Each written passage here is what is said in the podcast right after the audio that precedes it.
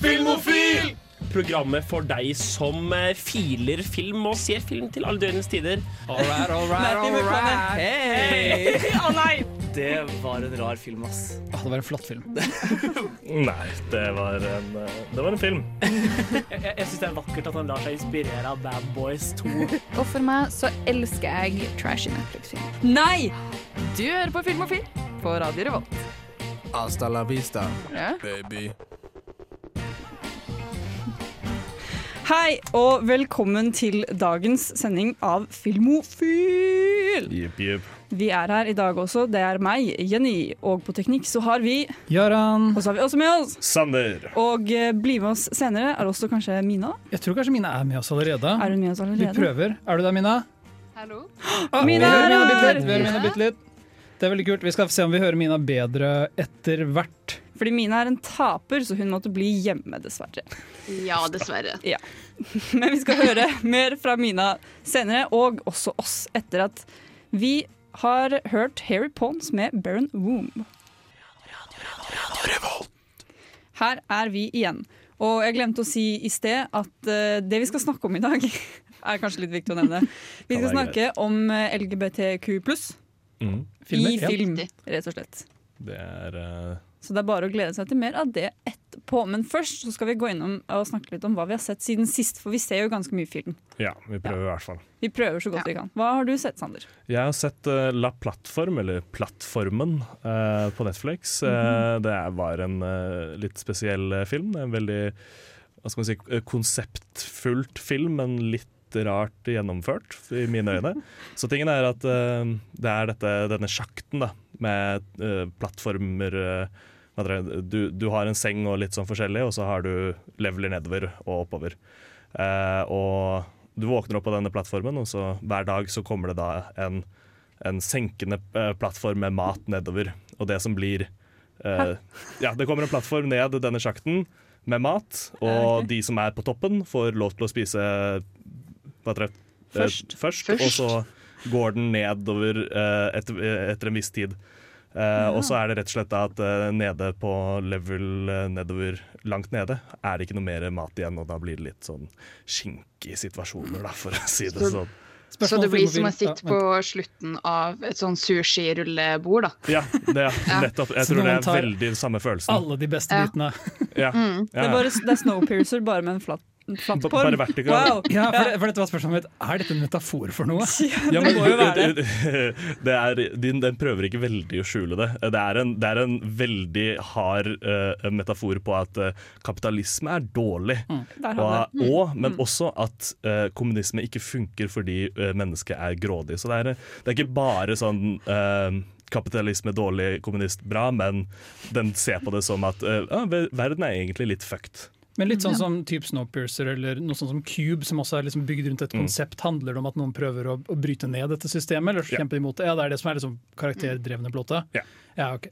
Det er det. Ja. Uten å hva røpe for mye av uh, filmen. Det var, var en interessant film. Uh, jeg likte konseptet. Jeg likte uh, slutten. Jeg bare syns mye av eh, midten ble litt sånn tregt, men det var veldig mange gode bruk av montasjer i, i denne filmen her. Det skal han ha Så burde den sjekkes ut. Jeg vil det. På Netflix. På Netflix. Nice. Da Jeg har også sett film siden sist. Jeg har pinet meg, jeg har pinet meg selv med å ha se sett film. Kissing Booth 2.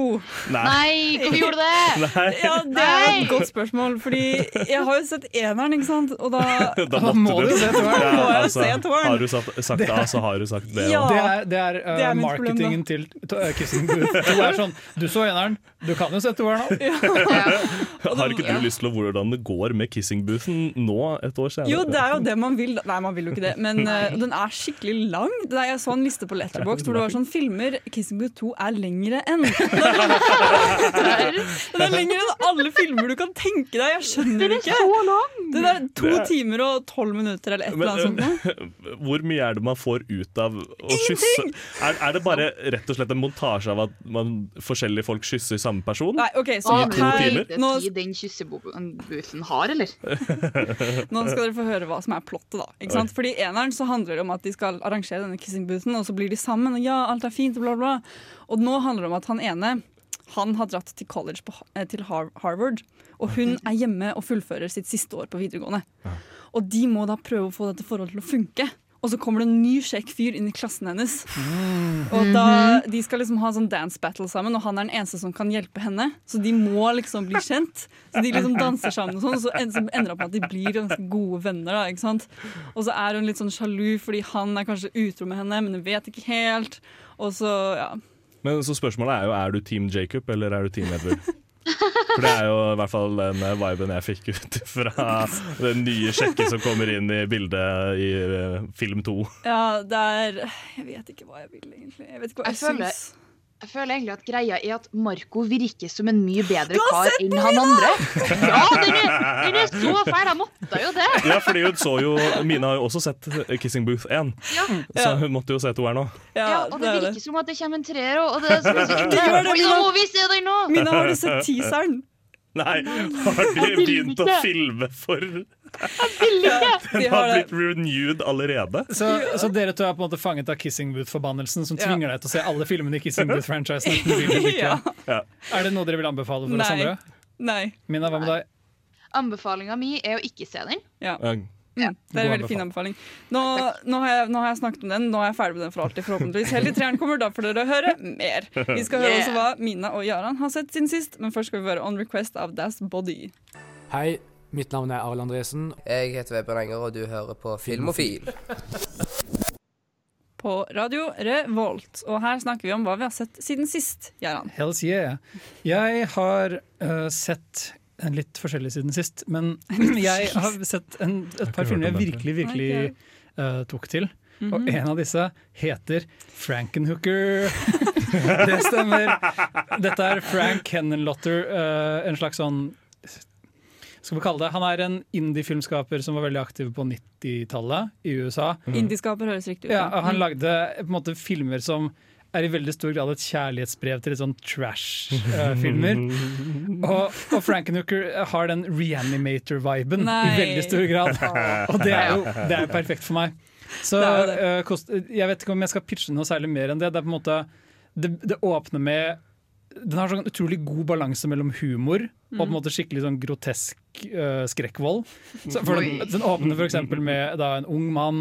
Han, uh, han er eh, veldig dyktig sånn uh, hva skal, han, han vil bli lege og kirurg, men han jobber som elektriker. Da, på en måte. Så det er de to tingene han kan. Han kaller seg sånn elektrobioingeniør. Så han driver og liksom leker med en liten hjerne, og så er det sånn kjæresten hans kommer inn sånn 'Å, kom ut i bursdagsselskapet til pappa, du har laget en gave til han.' Og så har han laget en fjernstyrt gressklipper. Og den fjernstyrte gressklipperen den kjører jo over kjæresten hans eh, og dreper henne. Så prosjektet hans Prosjektet hans blir jo fordi han blir jo gæren av dette, er jo at han må da skaffe kroppsdeler fra sexarbeidere for å bygge en ny kjæreste. For hodet hennes, det overlever. Ja, ja, selvfølgelig. Så Frankenhooker er en fantastisk film.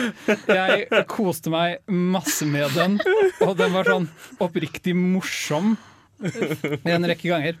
Men det har ikke bare vært dritt. Det har vært ganske mye dritt når jeg scroller gjennom. Men uh, for å ta den andre filmen jeg har sett som måtte også har skilt seg litt ut Mm.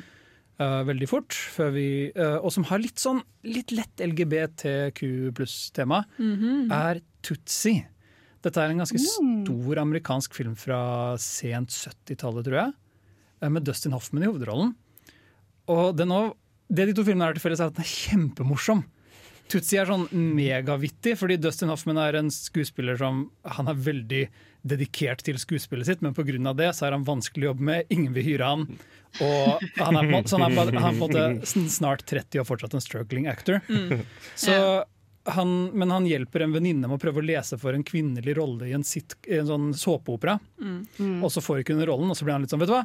Jeg kunne fått den rollen. Jeg er bra nok til dette. Så bare for å bevise et poeng, så tar han på seg parykk og skjørt og sminke og stiller opp til den rollen. Uh, som kvinne, da. Og får rollen. Og så i løpet av filmen så han som en streit mann da, han blir så dedikert til denne kvinnerollen at på en måte, identiteten hans begynner å bløres litt. Han begynner å prate om sånn 'Jeg kan leve det livet, men, men hun lever ikke det livet.' Og derfor, 'Jeg skal ikke ha noen fremmede menn i leiligheten min på kvelden, Fordi da kan folk tro at hun er en sånn dame.' skjønner du? Og så blir han et lite feministikon. og jo, så, så dette hullet blir bare dypere og dypere. skjønner du? Ja, ikke sant. Ja. Ja.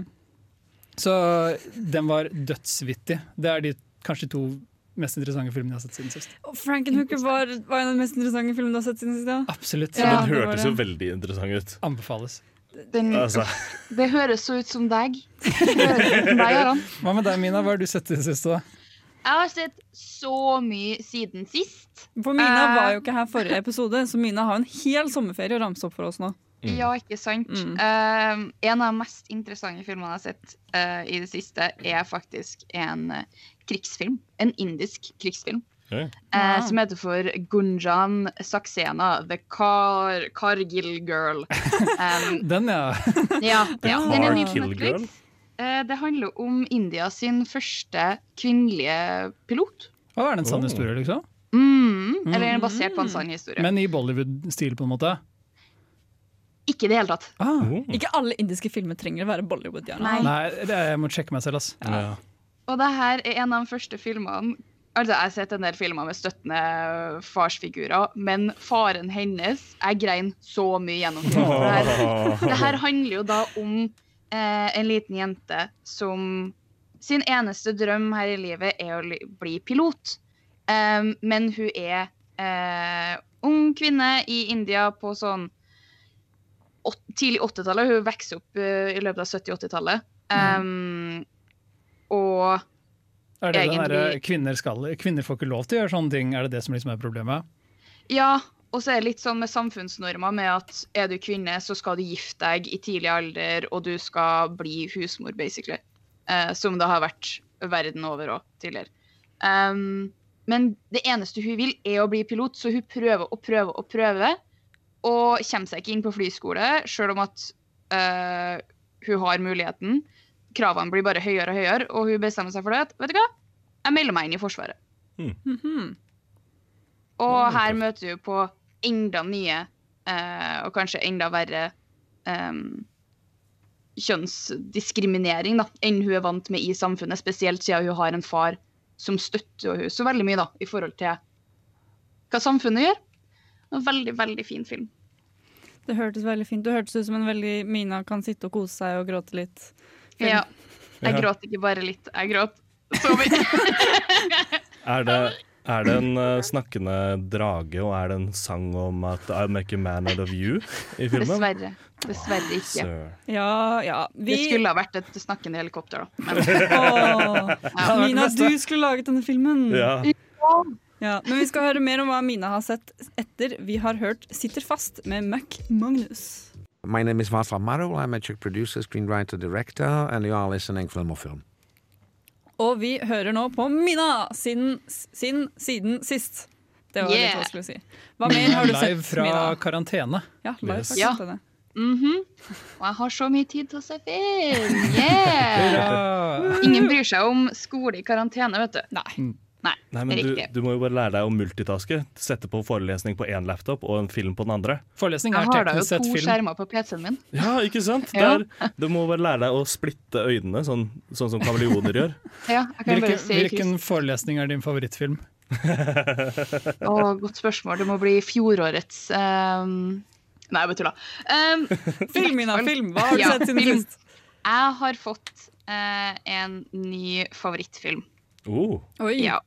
Eh, og jeg vet at jeg og Jaran er litt sånn eh, vi, vi krasjer litt med meningene våre på filmen her. Oh, Nå er jeg spent. Ah. Dette gleder jeg meg til. Eh, ja, og det er en film som heter for A Whisker Away. Ja, den prata Ja. jeg om forrige uke, så der har jeg allerede fått sagt mitt. Det er katte... Det var kattegreia, ja. Ja, Ja, som blir som stalker kjæresten din fordi hun kom kan bli en katt. Mina.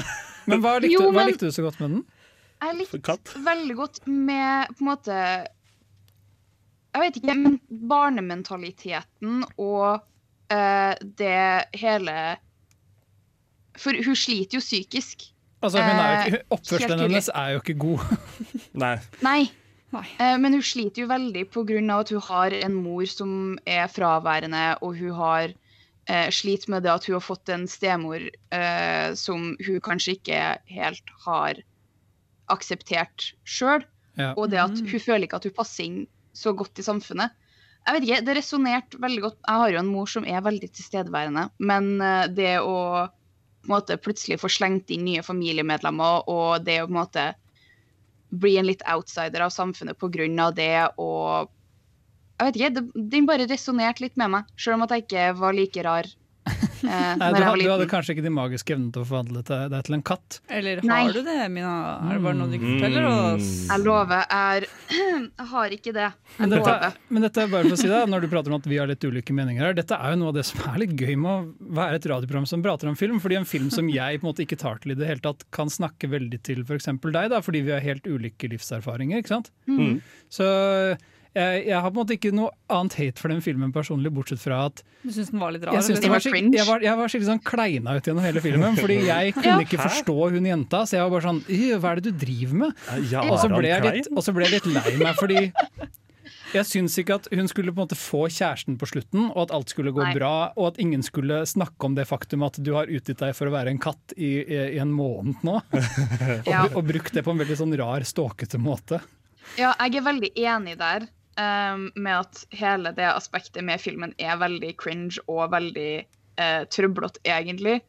Uh, og jeg er også enig med at hun burde faktisk ikke ha endt opp med en mot slutten. Fordi det blir litt sånn litt Stockholm-syndromaktig. Ja. Men Mm. samtidig så hjelper de hverandre ut veldig med å på en måte få hverandre ut av skallene sine, og de får fram sider med hverandre som på en måte de ikke ville ha turt å gitt uttrykk for ellers. da. Selv om at hun er litt vel aggressiv med måten sin eh, til å på en måte uttrykke følelsene sine. Du forklarte dette mye, mye penere enn det Jaran gjorde forrige uke. Mina. Ja, jeg var nok ikke så åpen for at denne filmen kanskje hadde litt mer dybde. Da. Nei, det er jo veldig Jeg skal tydelig. ta, nå, da. jeg skal ta eh, en karakter i den filmen i forsvaret. Det er katten til stemoren. Det er en veldig Ja. sympatisk karakter, faktisk. Katten til stemoren? Den er veldig Ja. fin. Ja, okay. Shit, så kanskje når jeg ser Kissing Booth 2, så elsker jeg den. Ja, hvis du har helt andre livserfaringer, Ja. da kan bidra med der. Og den filmen snakker til deg, fordi Ja, ikke sant? du dro av gårde til college mens kjæresten din ble Ja. Akkurat. Jeg tror faktisk du kommer til å elske den filmen, eh, Sander. Det er noe, det er, kanskje det blir en ny favorittfilm. Ja. Så til neste uke så skal skal Sander se 'Kissing Booth 2', altså. Det gleder vi oss til å høre om. Men nå skal vi gå videre i programmet, og nå skal du få høre Auster Stew med 'Crack Cloud'. Filmofil presenterer nyheter fra filmens og fjernsynets vidstrakte verden. Gå nyhetstanker! Og live fra studio i hjemmet til Mina har vi Mina. Hva er nyheter siden sist? Hva er nyheter? Hva er Godt spørsmål. Hva er nyheter, Jenny? Ja. Det skal du få høre nå. Vi har litt forskjellige nyheter for dere her i dag. Live fra Prinsens gate. det er rett og slett en eh, reporter på gata, rett og slett. Ja, det har du rett i. Eh, og reporteren kan i dag eh, rapportere at eh, Guillermo eh, del Toro eh, sin eh, Pinocchio Pinocchio. Pinocchio, den kommer på Oui, Netflix. oui, holdt jeg på å si. Oh. Ja, det er i 2021. Og Mhm. dette syns jeg var kjempespennende, fordi det, jeg regnet på det. I 2009 så hørte jeg om Guillermo del Toros Pinocchio. 2009? 2009. Da gikk jeg i typ tiende klasse Nei, jo, jo, rundt 2009. Da gikk jeg i typ tiende tiende klasse-ish. Og uh, da var, snakket del Toro om det prosjektet som noe han ikke kom til å få laget. Åh. I 2009, skjønner du? Mhm. Og nå, nå i 2020 så er det bekreftet for Netflix. Og det er sånn, så deilig at han får en plattform hvor han kan lage de prosjektene han vil. Ja, for vi hadde det på nyheter for i fjor, kanskje. Så var det sånn, da, han, da hadde han fått rettighetene til å lage Pinocchio. Og da skulle det skje. Ja, ok. Så da begynte han på det. det. Ja, nå skjer det Må i hvert faktisk. fall sitte på det prosjektet lenge. Det virker jo Ja. dritkult, da. Herregud. Det skal være en stop motion musikal, bare så det er sagt. Ja. Bli så blir det et stjernespekket cast med blant annet Oh. Kate Blanchett, Kate, mm, Tilda mm, mm, Blanchett. Blanche. Swinton eh, og Christoph Waltz, blant annet. Oh. Wow. Mhm. Sa du til Tilda så Swinton inni der også? Ja, Yep, Sweawanton, yes. Og skal, så skal visstnok Ewan McGregor uh, være stemmen til Jiminy Cricket. så, Mm. så alternativ tittel er Isle of Dolls? Hæ? Er ikke det litt sånn god eh, spøk? Den er ekstra god når du spør om den er bra. Ja. Minutter. Oi, oi, oi. Den lyden har jeg savna. Yes, Vi har eh, flere nye filmer som eh, er på eh, vei. Mm -hmm. Og da har vi òg bl.a. Olivia Wilde, som er spekulert til å regissere en Spider-Woman-film for Sony. Spider-Woman, ja. Ja, men for Med Sony, ikke for Nei, det er jo Spider-Gwen. Spider, er Spider, ja. Yes. Men Um, Spider-Woman er en annen karakter. Men oh. Så dette er Sony-IP, så det blir på en måte uavhengig av Marvel-universet? ja. Eh, Så frem til at Disney ikke kjøper opp Sony i nærmeste fremtid. Det vet vi ikke Er fort ting mulig. Det er veldig fort mulig. Bare En annen, eh, Relatert nyhet. Durt, durt. mm, pom, pom. Captain Marvel 2 mm? eh, skal få en eh, oppfølger, vet dere. Men Og da har vi enda en kvinnelig regissør, og det er vi Mm. superglad for. Ja. Hvor Nia da Costa eh, skal få regissere. Hvem er dette? mm. Eh, det her er en mørkhudet kvinnelig regissør. Eh, hun Har hun regissert noe vi har uh, hørt om? jeg har liksom hørt det navnet før. Jeg, Ja. jeg lurer på om det er hun som skal stå for den uh, Candyman-rebooten som Ja. kommer Oh. i, i våres. I hvert Mm. fall. Mm, Ja. Som jeg gleder meg veldig til. Mm -hmm. uh, og så har hun vel hatt noe em, Hva heter det nå? Eh, med Little Woods å gjøre òg. Um, Men Captain Marvel 2 Ja. blir det på en måte, og det er jo kanskje ikke et sjokk, men øh, vi, altså, det, må, det måtte jo på en måte skje. Og, men spør du meg, så kan den franchisen, eller Marvel, Captain Marvel-karakteren, bare gå oppover herfra. Det kan Hun hadde på en måte en helt OK Ja. start, men vi har enda til Ja. gode Hun ble liksom bare sånn sidelina i endgame og alt mulig. Mm. Så jeg, jeg på en måte troa på at den karakteren virkelig kan få folde seg ut da, over tid. mm, enig. Hvis noen dyktige gjør det, så kan det, kan det bli bra. Ja, vi alle vet jo at en Enig. dyktig regissør står bak eh, en dyktig film. skulle jeg si. Mm. Ja. Du er på en måte Marvel-fangirl nummer én her i rommet, men du er liksom den mest skeptiske til Captain Marvel. Ja, for jeg likte ikke så godt på Captain Marvel-filmen. For jeg, jeg var veldig glad Og jeg er ikke så stor fan av Brie Larson. Okay. det. Vi må videre, vi vi, kan- videre! Vi kan, vi kan ikke være venner, rett og slett. Jeg har flere sorry. nyheter. Vi, vi, nyheter. Vi, vi kan gå videre. Pop. En av mine aller eh, næreste og kjæreste mennesker sin favorittmusikal, Dear Evan Hansen, den kommer på lerretet. Nei! Jo. Ah! Eh, yes. Og da er det blant annet Amanda Stanberg ifra um, Åh, hva heter han, da? Jeg håpet du skulle si Amanda Hunger. Bynes der i to sekunder. Nei, Hunger Games. Um, Eh, Og ja, er det hun som er med i de to siste, holdt jeg på å si? Hun som er sånn nei, det er hun unge. Prim, liksom. Hun som er søster? nei, Prim er jo Nei, nei, nei. nei, nei, Det er så lenge siden jeg har sett de uh, det er hun lille jenta ifra uh, distrikt 11. En eller annen fra Hunger Games, i hvert fall. Ja. Eh, Ikke Amanda Seyfried. Nei. Eh, det her er da en ung, mørkhudet uh, jente, kvinne, dame. Men Eh, kan jeg spørre hva denne musikalen går ut på? For jeg tror ikke jeg har hørt om den. Uh, musikalen Ja, eller har du lyst til å ta det? du kan ta det du, Mina. Du er nyhetsankeren. Ja, tusen hjertelig. Uh, det her er da en musikal som følger um, en videregående elev med um, sosial angst, som uh, blir uh, Ja, han blir rulla opp i noen løgner og sånn, uh, knytta til em, en klassekamerat sitt selvmord. Um, hvor det er noe eh, hva heter det nå? brev involvert. Uh. Og det er en veldig hjertefølt, uh, rørende musikal. Mhm. Men uh, spørsmål om, om Er det som Hamilton som filmet fra scenen, eller vil det være en spillefilm? Mm, Det er et veldig godt spørsmål. Eh, jeg vil tro, som jeg har forstått det, så er det en spillefilm. Mm. Og den kommer da neste år.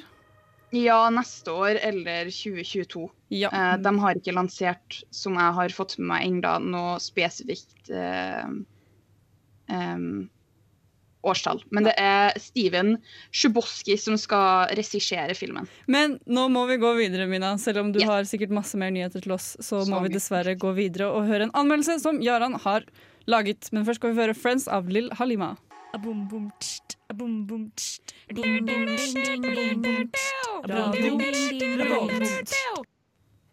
Jaran har vært på kino, han. Det har jeg, og jeg har anmeldt en film som har premiere nå den neste uke, tror jeg. Kinopremiere! Den heter Mathias Maxim, og denne filmen er fra Canada. Filmet i Oh. Quebec på quebeciansk-fransk, hva enn du vil kalle det. Så det var veldig vanskelig å lage en konvensjonell trailer for eh, Eller en veldig konvensjonell anmeldelse for denne filmen, fordi traileren er jo da Ah. på canadisk-fransk.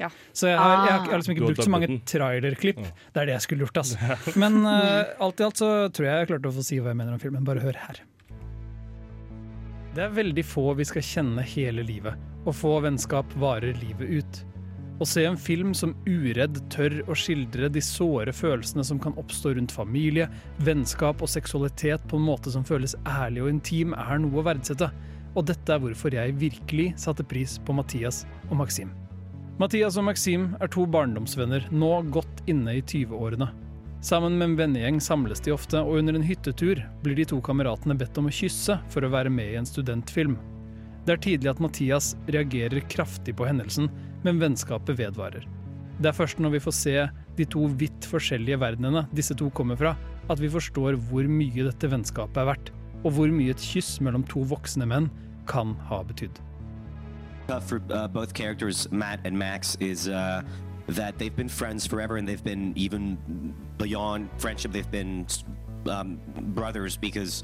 But I think that from the very beginning, even though there might be a curiosity to explore something, they are convinced that that's not the issue. Sexuality and physicality is not the problem. The problem is that in their heart, they suddenly start thinking of each other as potential lovers. And that is troubling because they've known each other forever since they're five, and now they're 30. So, where has that love been their entire life? Maxim kommer fra et vanskelig hjem med en rusavhengig mor og ingen farsfigur. Mathias er sønn av en rik middelklassefamilie, og det er tydelig at Maxim har tilbrakt mye av oppveksten sin med Mathias' familie som sitt andre hjem.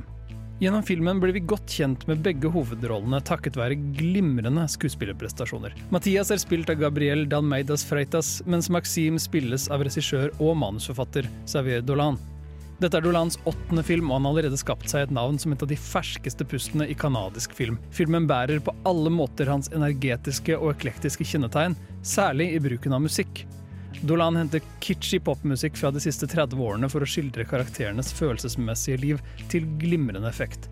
Dette er tross alt mannen som uironisk skapte et av tiårets beste filmøyeblikk med Wonderwall. Filmens dialog er også utrolig rask og naturlig, men dette er kanskje ikke veldig merkbart for et norsk publikum. Den raske, tykke quebec-franske dialekten og talemåten er noe som fort gjør at filmen virker litt uoversiktlig, når til og med undertekstene sliter med å holde tritt. Je l'avais pas dit qu'il y a une gosserie avec son esti de film plat. Là, t'as dit à moi que t'allais faire tes affaires de ton côté. Fait que fais tes affaires de ton côté, puis arrête de faire chier mes amis que t'es des mardes. C'est pas une idée de marde, là. C'est juste que ça Arrête faire que tu nous déranges. Qu'est-ce que ça fucking change? Arrêtez pas de comme faire des tresses puis genre de wrestle comme les hosties de wack. Hey, c'est vrai qu'ils se sont frenchés en secondaire 3?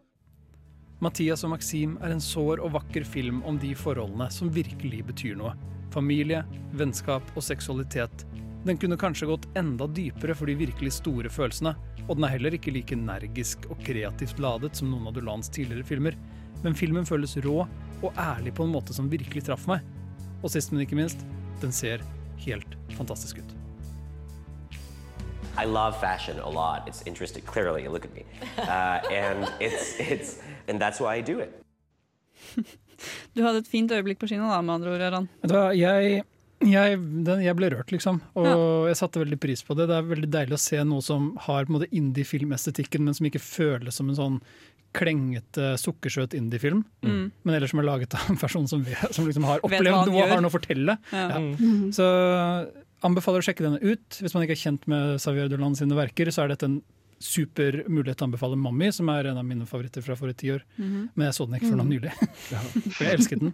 Den er, i hvert fall Mommy er helt fantastisk. Jeg skulle skrive uh, bachelorgrad uh, med fokus på den scenen. Ja. eh, Wonderwall-scenen. Den er Mm. altså, for bra til å ha Wonderwall som soundtrack. Men ja, den hørtes, den hørtes veldig fin ut. For jeg husker jeg så, jeg så traileren for jeg lurte på hva var egentlig det her for noe. Mm. Og du har helt rett, det virker veldig Jeg, jeg skjønte ikke så mye, selv om det er veldig rett fram. Alt er liksom er veldig kaotisk. kaotisk. Ja, men jeg Mm. følte at hele traileren var veldig kaotisk, og da ble det litt sånn mm, Men er dette så greit å følge med på, da? Men det funka Ja, jo tydeligvis. Det er, det. det er også noe med at på en måte, når du har en vennegjeng som kødder og ler, så det, det viktigste du trenger å følge med på når det er litt sånn, går litt fort fram og tilbake, er stemninga mer enn det som blir sagt. Mm. Fordi det handler på en måte om samholdet deres og forholdene de har. Det er ikke gitt at du tar alle innvitsene og forstår alle de grammatikkgreiene som bare funker på Mm. kanadisk fransk, men det er på en måte ikke poenget. Nei. Poenget er følelsene de har mellom hverandre, og det funker veldig veldig godt. Og det er en flott film. Mm, flott film. Nydelig. Da går vi videre inn i fremtiden, tenker jeg, med Musti. Hi, my name is Bob the Drag Queen, and you are listening to Radio Revolt.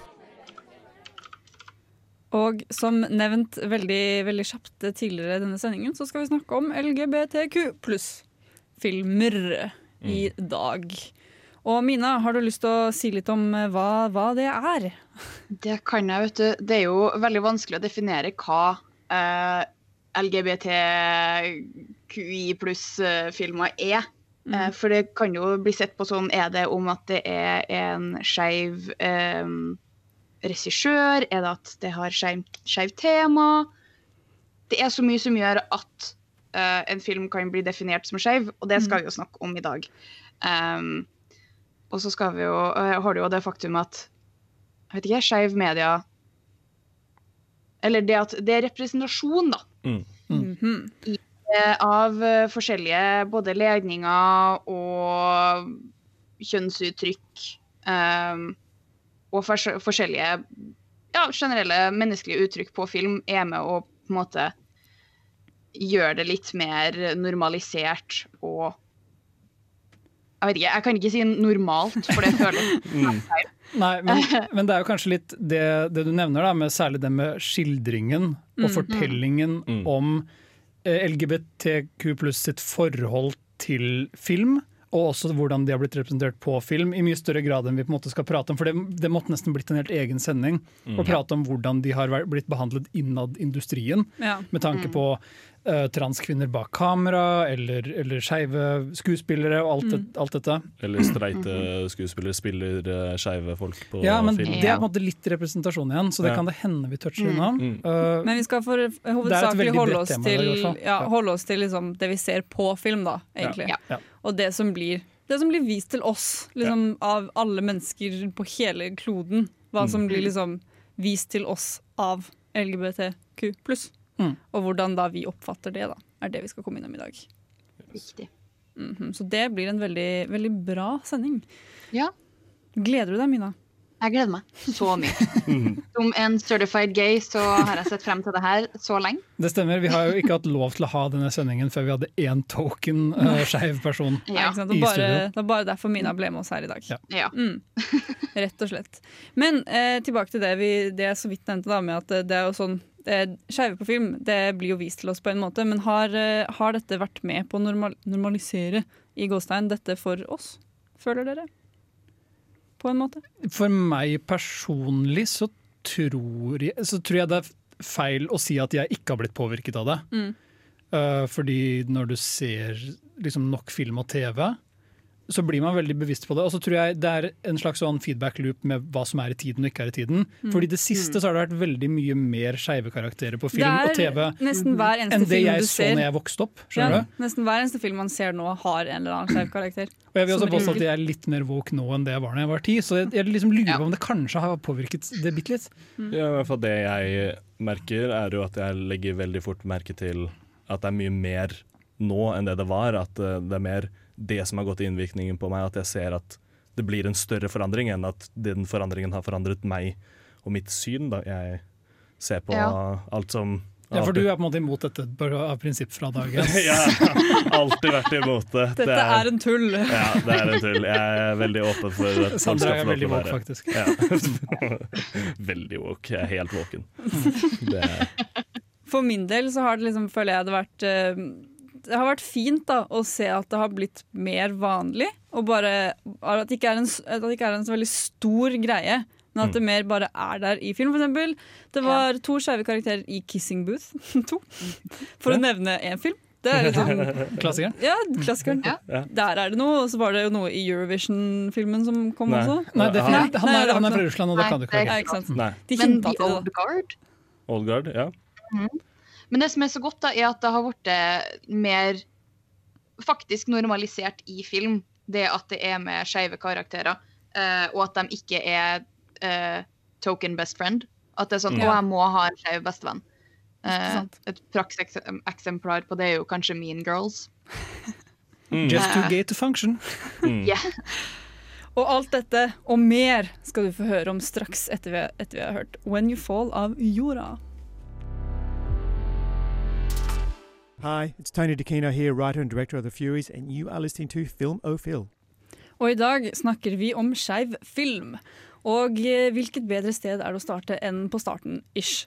For eh, vi, jo, vi nevnte jo at det er I dag ser vi ganske, ganske mye, relativt mye, skeivhet på film. Men det var jo en tid hvor det ikke var så mye av. Men det skeive publikummet, det, det har vært der ganske lenge. Og det har blitt en, ganske, det har blitt en greie da, at man har laget skeiv subtekst i ettertid av at filmene har blitt laget. Ja, det har jo vært eh, da gjerne filmer som ikke har uh, eksplisitt eh, homofile eh, eller eh, lesbiske eller diverse eh, eh, forhold, men har gjerne fått det i, eh, i eh, hva heter det, kulturen rundt det. Da. Det er Mm. gjerne disse superfansene som eh, eh, aldri får nok av det de har sett, som de da bare expander på i gjerne det som heter fanfics. Blant annet. Blant annet. Det er en veldig vanlig måte å gjøre det på. Ja. Og det kan ofte gå veldig veldig langt. Mm. Men Eh, det, av, og til, av og til så ser man filmer som er sånn hvor på en måte, Enten så er det ikke eksplisitt snakket om seksualiteten til karakterene, Mm. eller så føles det bare som Å, denne fyren han har en kjæreste, men det er liksom ikke det handler Det er bare sånn, det, hvorfor, hvorfor er dette med at han har en kjæreste? skjønner du? Ja. Og så, Jeg så blant annet en indisk film som havnet på IMDb Topp 250 Mm. nå nylig, som heter Anand. Og Anand handler om en veldig seriøs doktor som er veldig sånn mørk og brooding, og en kreftpasient som har bestemt seg for å leve livet til det fulle. Og dette er en gammel indisk film. Jeg tror ikke den var ment å ha skeiv subtekst, og begge to har love interests. Men forholdet de to har, er sånn, det er, et, det er en replikk hvor han er sånn 'Jeg kan ikke leve uten Anand', skjønner du? Og det er sånn, denne filmen er så gay at det er helt umulig å når du på en måte er klar over at det går an å se skeiv subtekst, så blir det en skeiv film. Ja, det er også litt sånn som eh, folk har skipper helt ekstremt eh, Captain America og Bucky. Ja. Selv om de bare er egentlig bestevenner. Og de er liksom der for hverandre, men folk har vært sånn Å nei, de er så søte sammen! Ja. De De må være sammen! Og så er det masse uh, fanart og fanfics om, om dette, da. Så det, det er jo en greie. Ja, man har jo det for mange andre forskjellige. For eksempel Ja. Sherlock Holmes og Watson er en de kjent er jo eh, søte. Det er en kjent uh, hva heter det, ship, og så har du jo den litt mer problematiske fra Supernatural, uh, Ja. der de faktisk er brødre. Uh, så det er på den mer proble problematiske siden. Men jeg tenkte også en, en film som er litt morsom å nevne, som er sett på som en av de mest sånn dude bros, frat party-filmene. eh, Top Gun, altså ikke frat party-film, men, Nei, men ja. frat-film. Og Top Gun har jo noe av det mest jeg vil si nesten eksplisitt homofilt, eh, erotisk uh, tension Men, men med, med hvem? me mellom Maverick og Ja, Iceman. Ja, mm. oh, ja, ja. i- Mm, ja. Altså, det, det blir han- veldig Det blir så veldig Det er en, det er en scene Tarantino har en sånn breakdown av hvorfor Top Gun er veldig skeiv. Hvis jeg har sett den. Det er veldig artig. Uh, hvor han, hvor han prater om, om det er sånn, um, at på en måte, den, Tom Cruise sin kvinnelige love interest i den filmen da, Hun prøver på en måte konstant å trekke ham bort fra the gay side. Og the gay side er på en måte å være med gutta og fly i fly. Ja. Mm. Fordi da er han på en måte fullstendig i en sånn, en sånn maskulin sfære hvor jenter ikke, det feminine ikke har til inngang. Mm. Det er bare alle gutta skjorteløse som spiller volleyball hele tiden. Han er jo ikke lykkelig før han er med gutta. Nei, nettopp. Det er på en måte Hans identitet må bygges rundt det, mye mer enn det å være med en kvinne. Ikke sant? Det, Altså, den, den eh, det, wardrobe-scenen når Iceman kommer opp og tar og biter ved øret til uh, Maverick, er ja, det, er, det, Altså det er veldig mye seksuell spenning i det. Ja, det er helt ekstremt. Det er faktisk en annen uh, film som har uh, fått litt subtekst etterpå, som jeg ble eh, pointet ut til senere, er High School Musical 2. Eh, ja, hallo? eh, det er Hallo? en sang som er eh, I Don't Dance, hvor på slutten av den uh, uh, eh, sangen, scenen senere, har de bytta klær. Yep. Som bare kan bety én ting, at de rett og slett har hatt Chad seg. og Ryan. Ja. They're a eneste, pair. eneste forklaringen, ja. Ja, ja. ja, men det er det.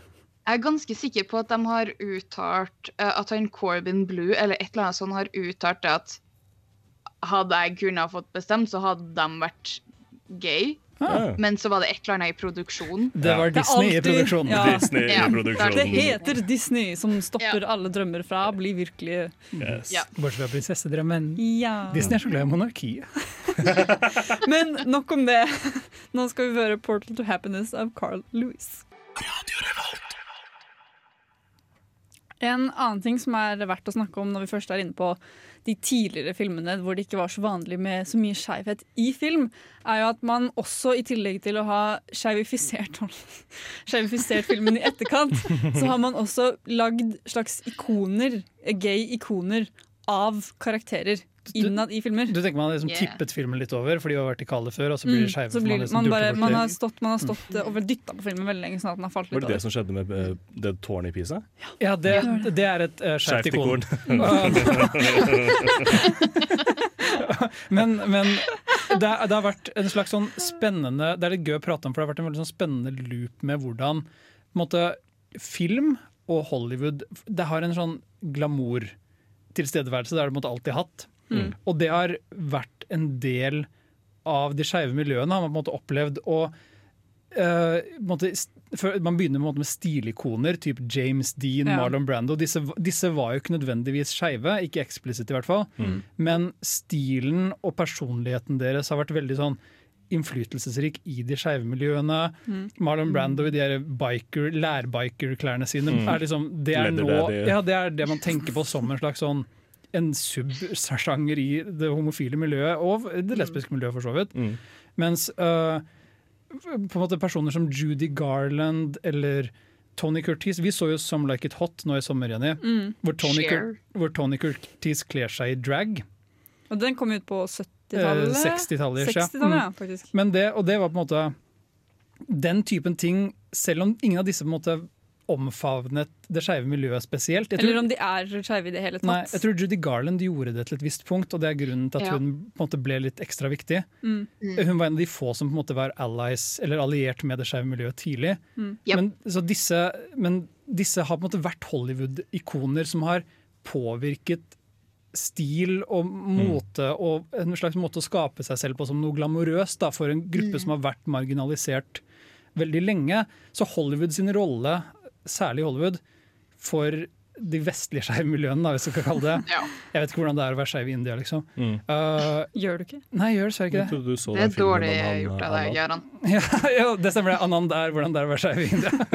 Uh, men det, jeg syns det er en kjempefascinerende sånn, hva skal vi kalle det, en slags sånn feedback loop på hvordan de Hollywood skapte noe, eller ga noen bilder videre Mm. som det skeive- de skeive miljøene har tatt til seg. Og nå, når vi skildrer de skeive miljøene, så skildrer vi de med disse bildene. Mm. Uh, som kan være både positivt og negativt, egentlig. Men det er i hvert fall sånn det har vært ganske lenge. da. Nå har vi jo ikoner som faktisk snakker mye mer om disse miljøene og er allierte. allierte. Ja, det startet jo bare som at det var, de ville ha de som var skeive, de ville ha noen å se litt opp til. Eller liksom, Mm. det var de de prøvde å De var jo rett og slett ikke representert, så derfor må de Ja, jo de må jo på en måte se. Ja, de måtte Ja. se til noe som de kunne på en måte klamre seg til, da, rett og slett. sånn Og så er det jo òg det med å Litt med det å pese òg. Altså å på en måte klare å Jeg vet ikke hvordan man skal forklare det på norsk. At man skal Jo, skjule å seg på en måte. Skjule, Ja. ja. skjule seg som skeiv i et eh, heteronormativt samfunn. Mm. Og da er det jo veldig naturlig da å gå etter eh, straighte ikoner skulle si, som på en måte Mm. blir en trygg base. da. Ja. Selv om at det er veldig, det er veldig tydelig at eh, hvem som blir uh, gay icons. Ja, og så er det en liten morsom ting er jo at sånn som man kan nevne noe, Leslie Knope i Parks and Rec blir jo et gay-ikon innad i serien når hun gifter to, to pingviner som viser seg å være to guttpingviner. Mm. Det er veldig søtt. Se den episoden, om ikke annet. Ja. Ja. Men nå skal vi få høre ti av J1. Hi, this is Brian Usen. I'm the producer of Reanimator and the director of Society, and I'm with the Filmophile people, and uh, we're all having a great time. Yeah, det har vi. Og nå snakker vi om eh, Snakker om LGP, LGP faktisk. LGBT pluss Nei, Q pluss, unnskyld. Åh, rot. Vi snakker i hvert fall om dette temaet her i dag. Og eh, vi snakket litt om ikoner i sted. Men det er jo, for å ta det litt videre, da, så er det jo disse ikonene har jo betydd mer i senere tid. For vi ser jo det at etter en viss tid så var det folk som faktisk begynte å drag, Dragscenen begynte å formere seg, da. Riktig.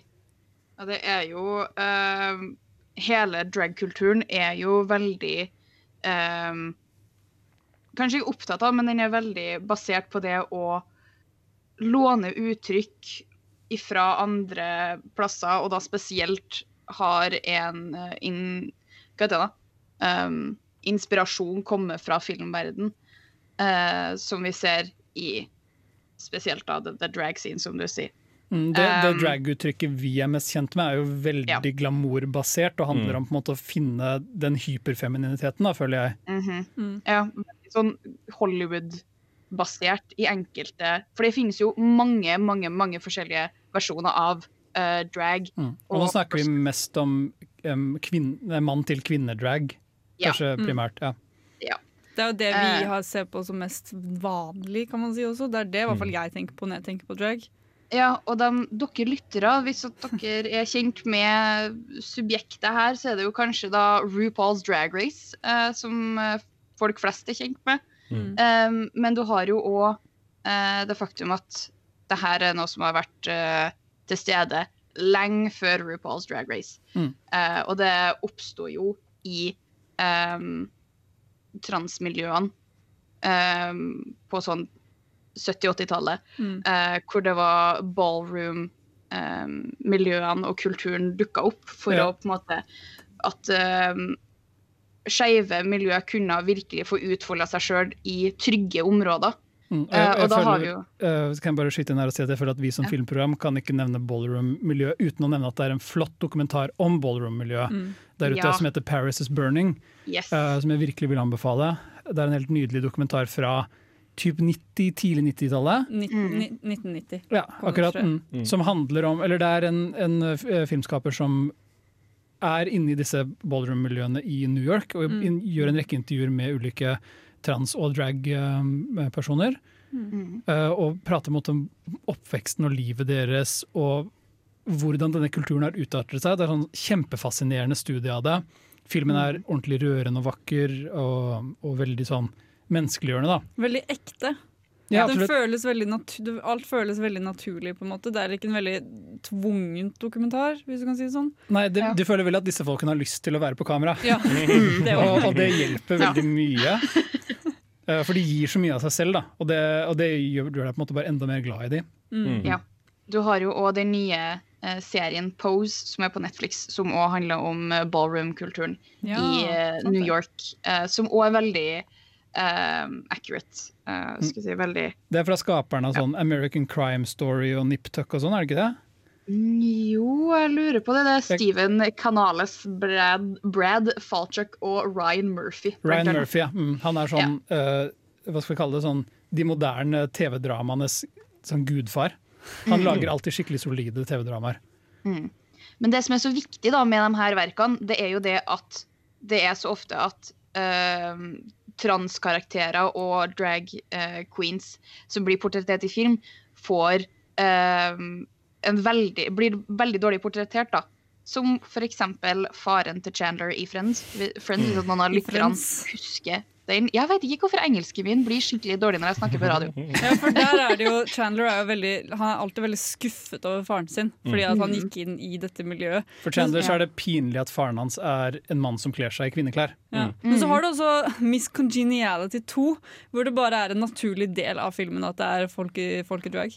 Det, det, det finnes også. Mm. Det er veldig mange forskjellige portretteringer. Ja, men mm. 'Paris Is Burning' er veldig veldig flott film som vi anbefaler alle å se. Eller flott dokumentar som vi anbefaler alle å se. Hvis jeg vil kalle den den beste dokumentaren jeg har sett. Ja, Den er veldig, veldig fin. Nå skal vi få høre selveste Vogue av Madonna. Og dette er en ballroom-klassiker. Det er det. Ja, jeg skal sitte og danse. Ja. Det er tid for semesterets første Topp 1, 2, 3, 3.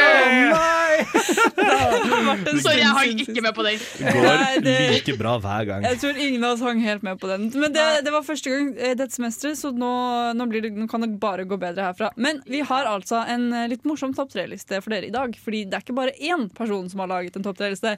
Det er ikke to! Ikke det er ikke tre! Det er fire!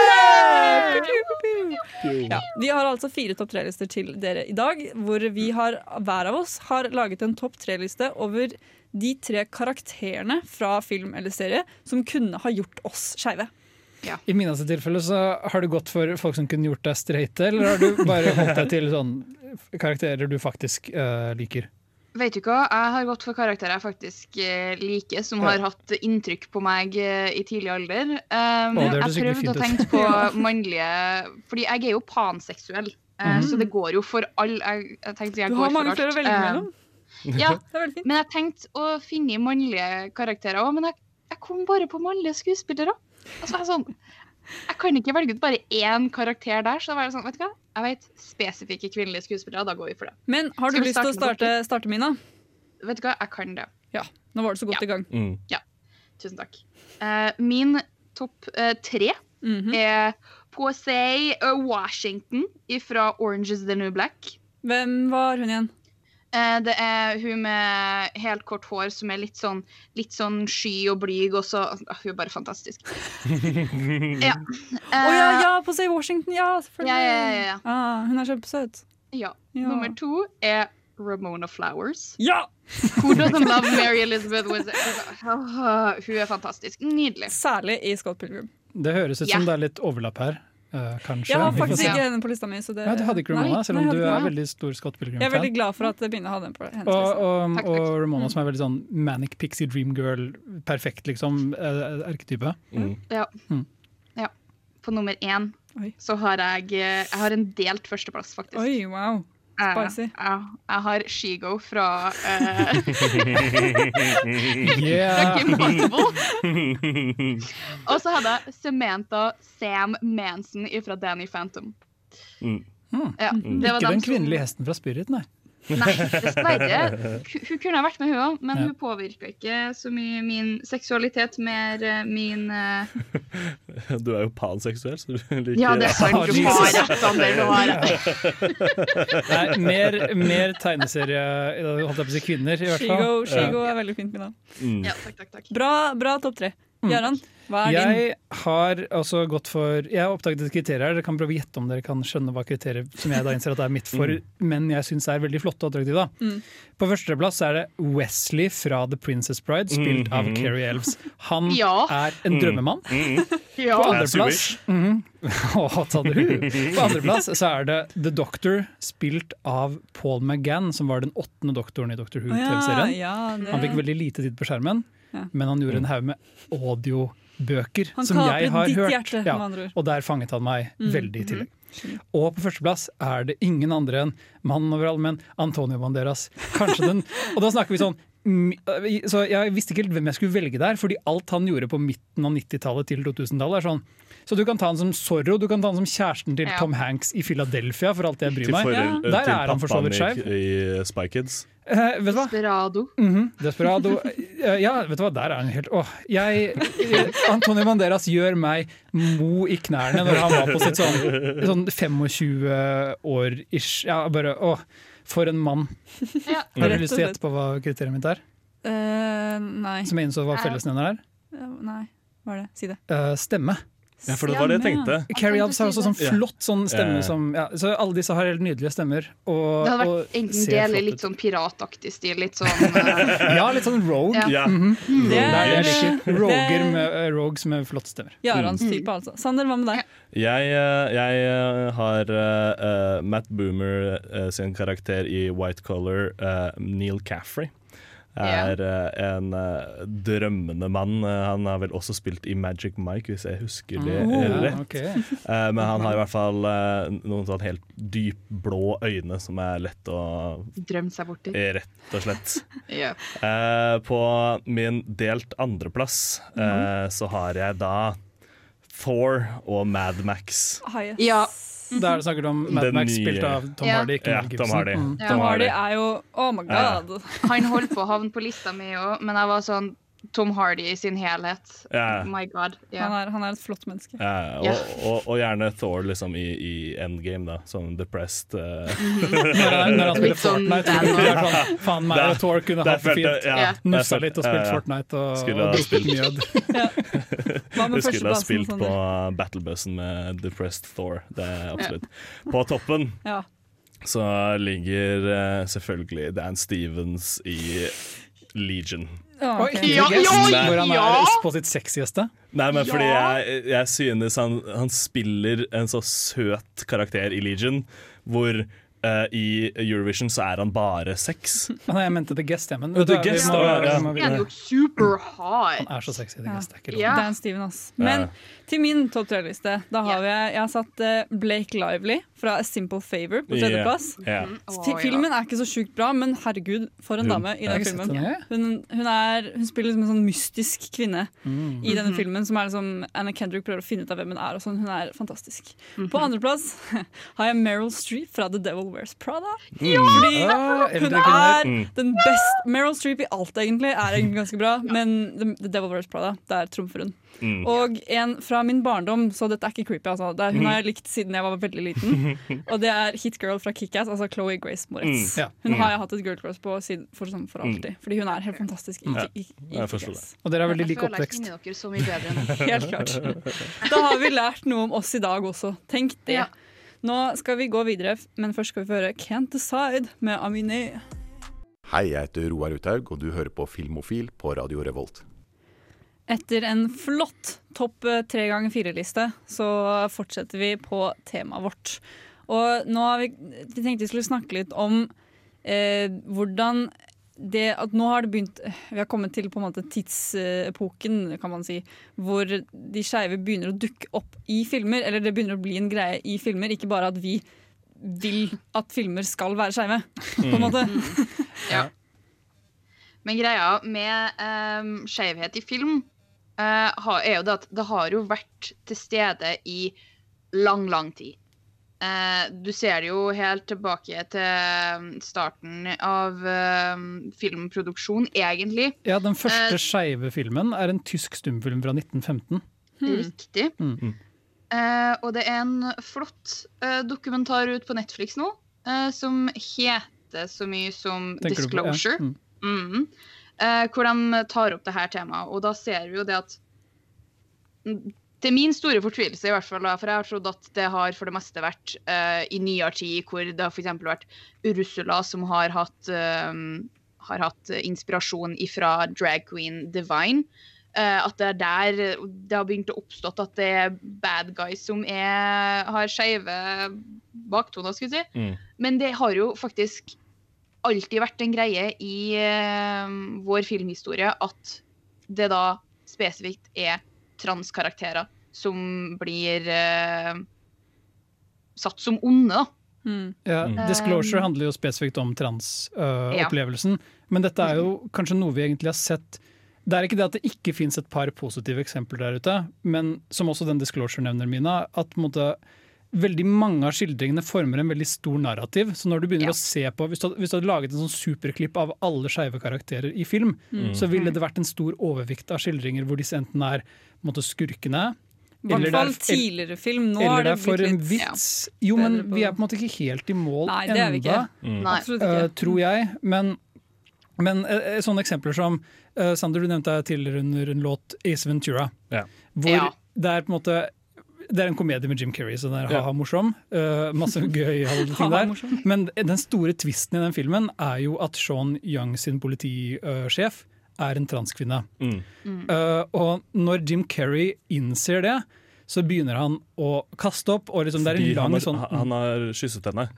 ja, Det er en lang Ja. sekvens hvor han på en måte blir skikkelig sånn avskyfull Mm. fordi han eh, var tiltrukket en kvinne som en gang har vært en mann, eller som er til Ja, ja. en viss grad en mann.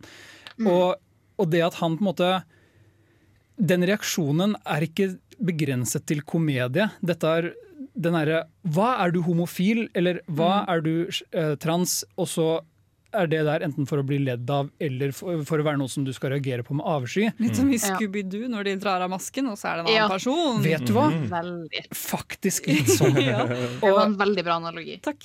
Når det, og når det er den store overvekten, så Mm. begynner man å lure da, Ja. på, på hvor Hvor kommer dette fra? Dette, Det er jo jo litt- tydelig at det er eh, eldre hvite menn som sitter i Hollywood og lager film. på en måte. Definitivt. Ja, det, Definitivt. det er jo definitivt en som kunne tenkt Hva er det største uh, forræderiet en kvinne kan gjøre, er jo å være mann.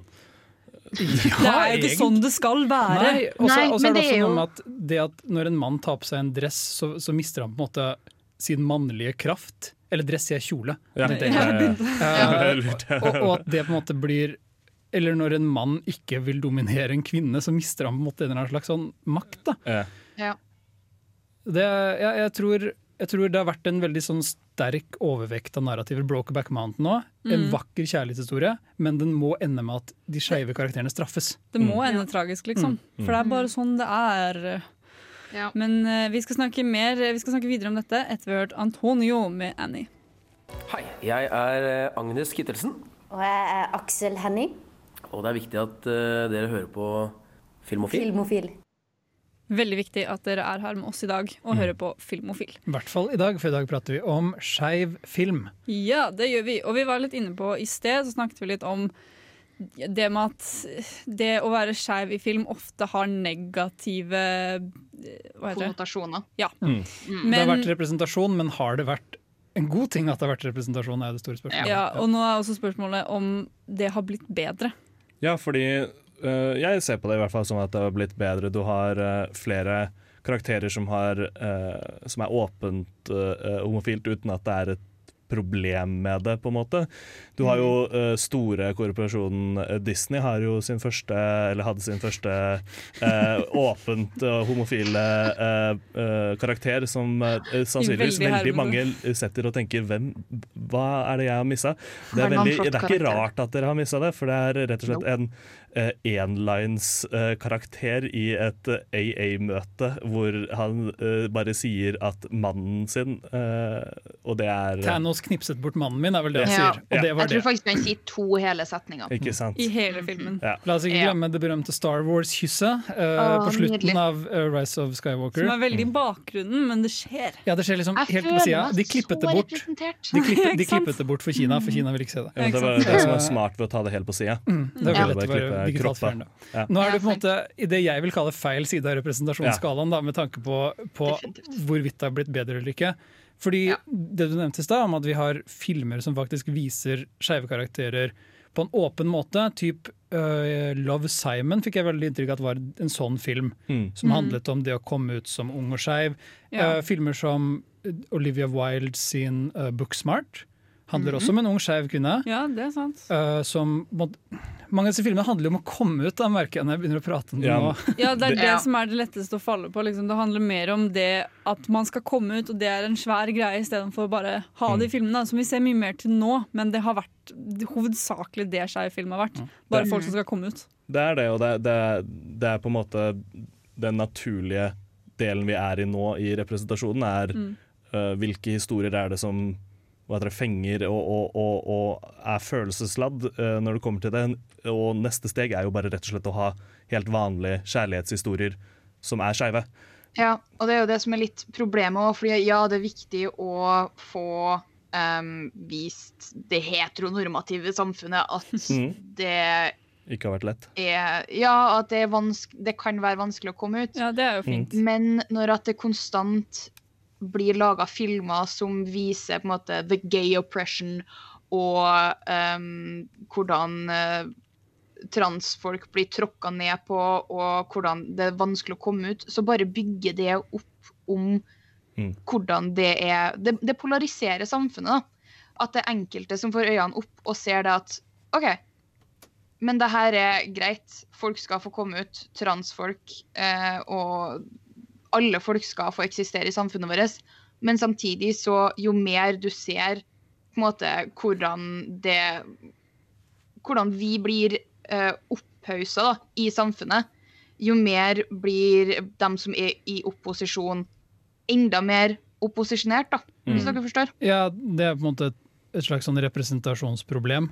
Ja. Men uh, jeg bare, bare kan tenke på det nå. Du føler kanskje litt mer på dette enn meg da, og oss andre her i studio.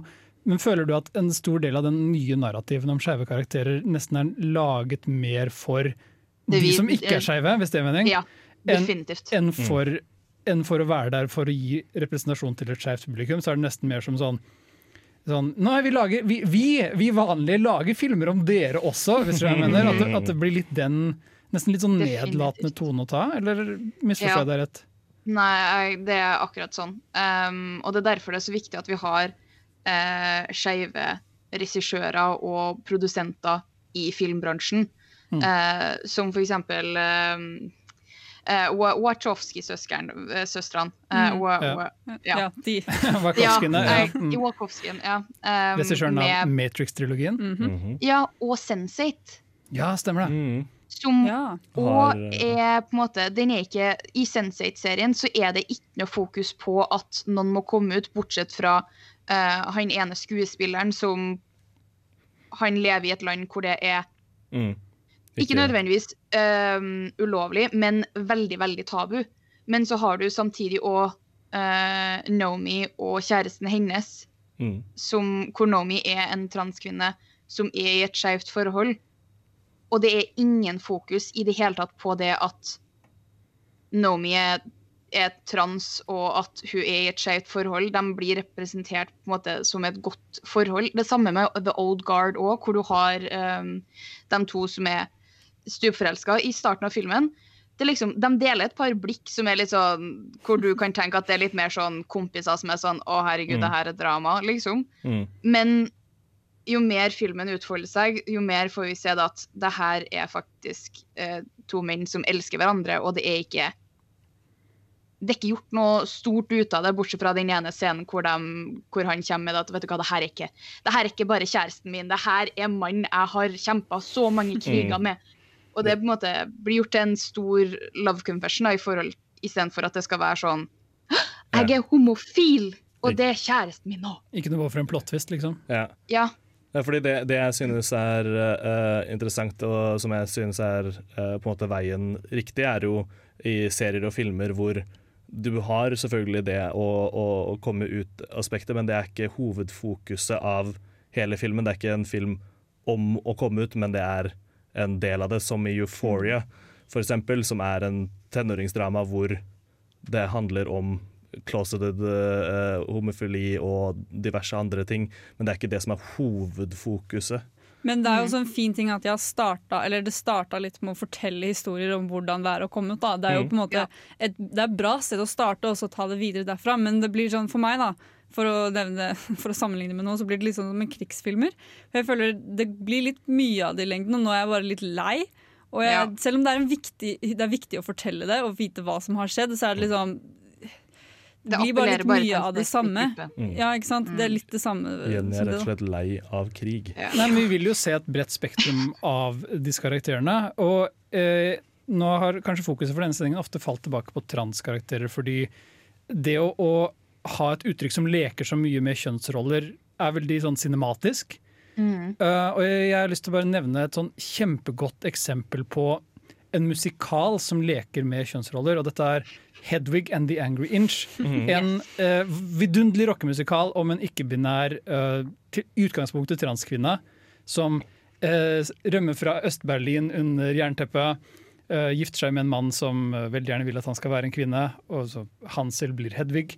Og Hedvig sliter på en måte konstant med uttrykket sitt som en slags sånn glam punk-rock-diva. Det er noen helt latterlig kule låter i denne. Neil Mhm. Patrick Harris spilte den på Broadway, mm. så jeg vet at det er et cast-soundtrack med han ute. Mhm. Men uh, filmen er regissert av mannen som skrev teksten, som er åpent homofil også. Nå glemte jeg helt navnet hans, men han er egentlig ganske kjent. Mm. Uh, det er min feil.